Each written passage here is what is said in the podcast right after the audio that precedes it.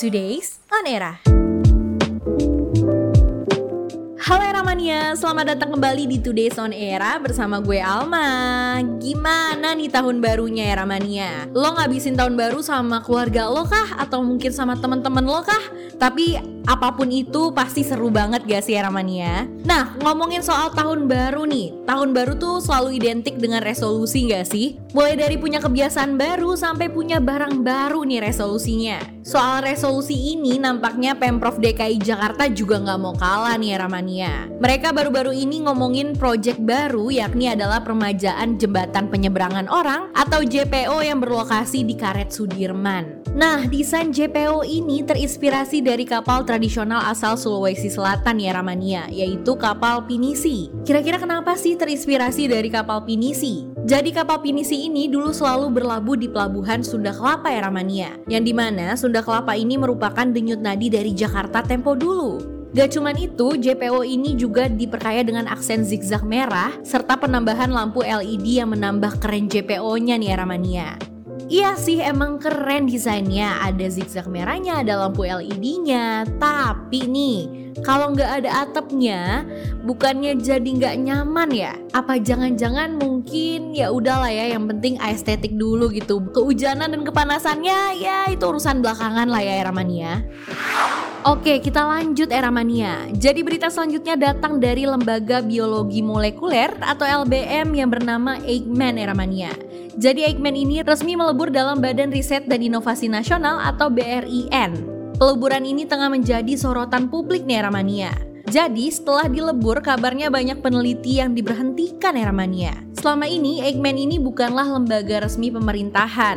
Nah, akhirnya sejumlah preset yang berstatus pegawai negeri sipil atau PNS tidak bisa diangkat menjadi peneliti penuh era mania. Kalau menurut Kepala BRIN, Laksana Trihandoko, pihaknya menawarkan lima opsi nih era mania bagi para preset yang tergabung dalam LBM Eijkman. Opsi ini diberikan setelah diketahui Eijkman telah merekrut tenaga honorer yang tidak sesuai ketentuan yang berlaku nih era mania. Jadi benar ya Ramania, adanya pemberhentian untuk pegawai Eggman, tapi sebagian besar dialihkan atau disesuaikan dengan lima opsi nih Ramania, yaitu PNS BIN, PNS Periset, Honorer Periset, Honorer Periset non S3, dan Honorer non Periset Eramania. Kalau misalnya info adanya honorer yang diberhentikan dan gak mendapatkan pesangon ya Ramania, udah dikonfirmasi oleh Pak Handoko kalau misalnya hal tersebut sudah sesuai dengan regulasi sebagai lembaga pemerintah. Terus nasibnya vaksin merah putih gimana ya Ramania? Tenang aja, Pak Handoko memastikan peleburan ini nggak berpengaruh sama perkembangan vaksin merah putih ya Ramania. Justru sebaliknya nih, malah tambah cepat karena didukung oleh infrastruktur dan dana yang lebih besar.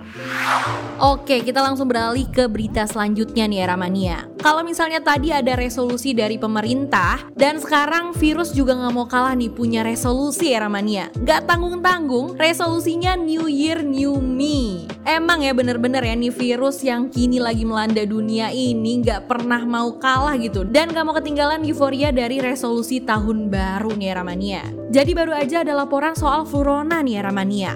Apa tuh kira-kira? Bahaya enggak ya? Tenang aja ya Ramania, ini bukan merupakan varian baru layaknya Omikron. Ketua Satgas COVID-19 Ikatan Dokter Indonesia atau IDI, Zubairi Jurban menjelaskan hal tersebut Eramania. Kata dokter Zubairi, Flurona ini bukanlah varian baru Eramania, melainkan infeksi ganda. Artinya ada dua jenis virus yang menginfeksi pada seseorang secara bersamaan Eramania. Flurona sendiri pertama kali ditemukan pada seorang ibu hamil di Israel nih Ramania. Tapi kasus seperti ini jarang terjadi. Masih ada kemungkinan untuk menulari seorang secara bersamaan. Karena kedua virus ini sama-sama menular melalui udara dan droplet serta sama-sama menyerang pernafasan ya Ramania. Selain itu, Dr. Zubairi juga menambahkan agar masyarakat nggak perlu cemas nih ya Ramania. Karena influenza yang ada di Indonesia berbeda dengan yang berada di luar negeri, terutama di negara yang memiliki musim dingin. Di mana influenza mampu mengakibatkan radang paru hingga kematian. Meski hanya flu biasa nih seperti batuk, pilek, dan bersin, tapi protokol kesehatan harus dipertahankan ya Ramania. Dan jangan lupa juga melengkapi diri dengan vaksinasi COVID-19 sehingga dapat melindungi diri dari berbagai virus yang masuk ke dalam tubuh ya Ramania.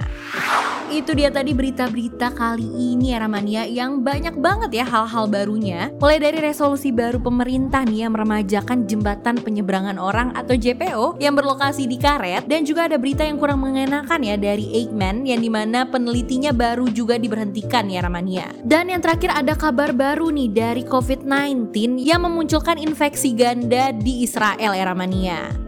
Nah, era mania bukan cuma 2022 nih yang penuh dengan hal-hal baru, tapi era.id juga penuh dengan berita-berita terbaru yang pastinya setiap hari akan update nih buat lo. Jadi buat lo yang mau tahu berita-berita terbaru, jangan lupa untuk follow seluruh media sosialnya Era, era.id. That is all for today's on Era. Bye-bye era mania. Eranya podcast. Now is the era.